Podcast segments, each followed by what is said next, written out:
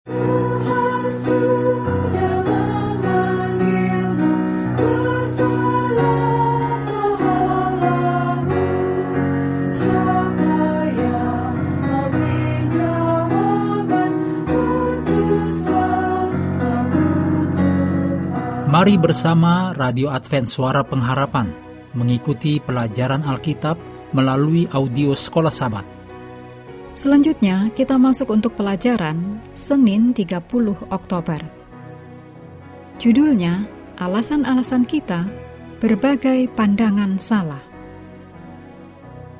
Mari kita mulai dengan doa singkat yang didasarkan dari 2 Timotius 1 ayat 9. Dialah yang menyelamatkan kita dan memanggil kita dengan panggilan kudus.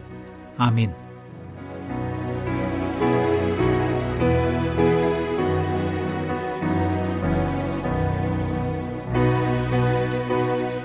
Ketika badai datang, Yunus menyalahkan dirinya sendiri. Dicatat dalam Yunus 1 ayat 1 sampai 12. Sikapnya benar-benar menyatakan sesuatu mengenai cara pandang dan pengertian tentang Allah atau Allah-Allah yang dimiliki orang-orang pada waktu itu.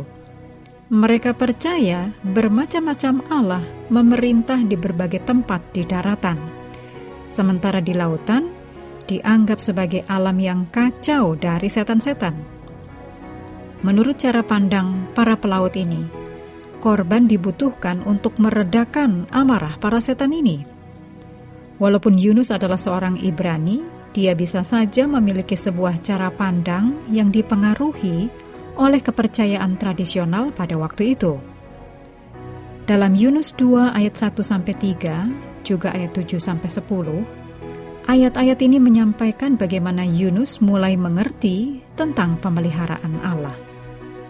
Walaupun Yunus sedang berlari dari wilayah di mana orang-orang mengakui bahwa Yahweh adalah Allah mereka, dia belajar dengan cara yang berat bahwa walaupun dia sedang melakukan perjalanan ke tempat yang memiliki budaya asing, Yahweh masih tetap berdaulat.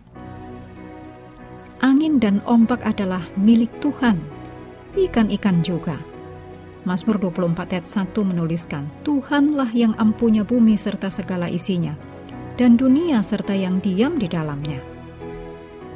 Hati Yunus dibalikkan kepada penguasa bumi dan laut, dan itulah sebabnya dia membuat pengakuan dan diselamatkan. Kita juga bisa salah mengerti tentang Allah dan apa yang Allah harapkan dari kita. Salah satu kesalahpahaman yang umum adalah bahwa Allah rindu kita berfokus pada keselamatan kita sendiri dan melepaskan diri dari kefasikan dunia yang ada di sekitar kita. Walaupun kepada kita diperintahkan untuk menjaga diri kita agar tidak dicemarkan oleh dunia, demikian dalam Yakobus 1 ayat 27, fokus kita seharusnya ada pada bagaimana kita bisa membawa berkat-berkat dan pengharapan dari Allah kepada mereka yang membutuhkan.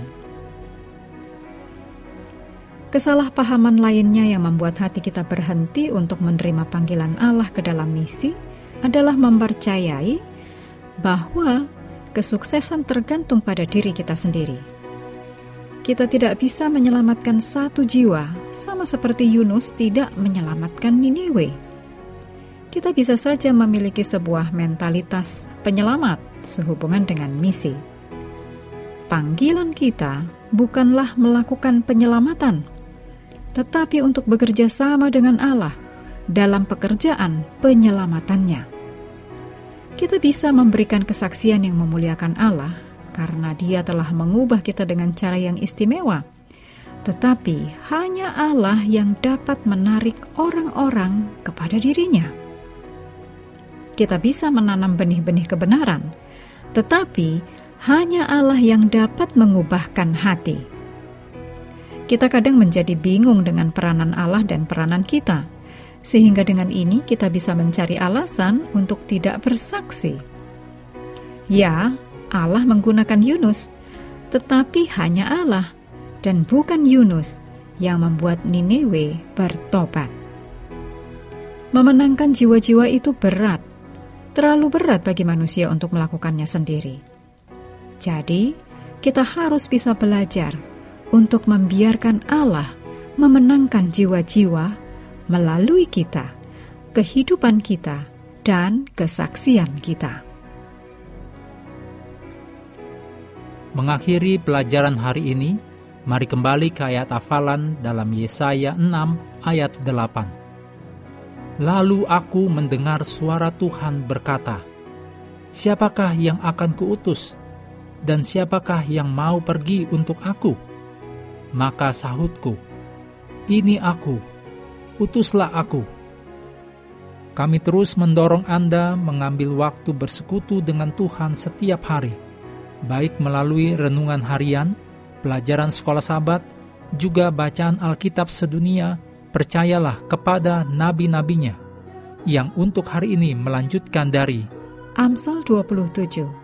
Tuhan memberkati kita semua.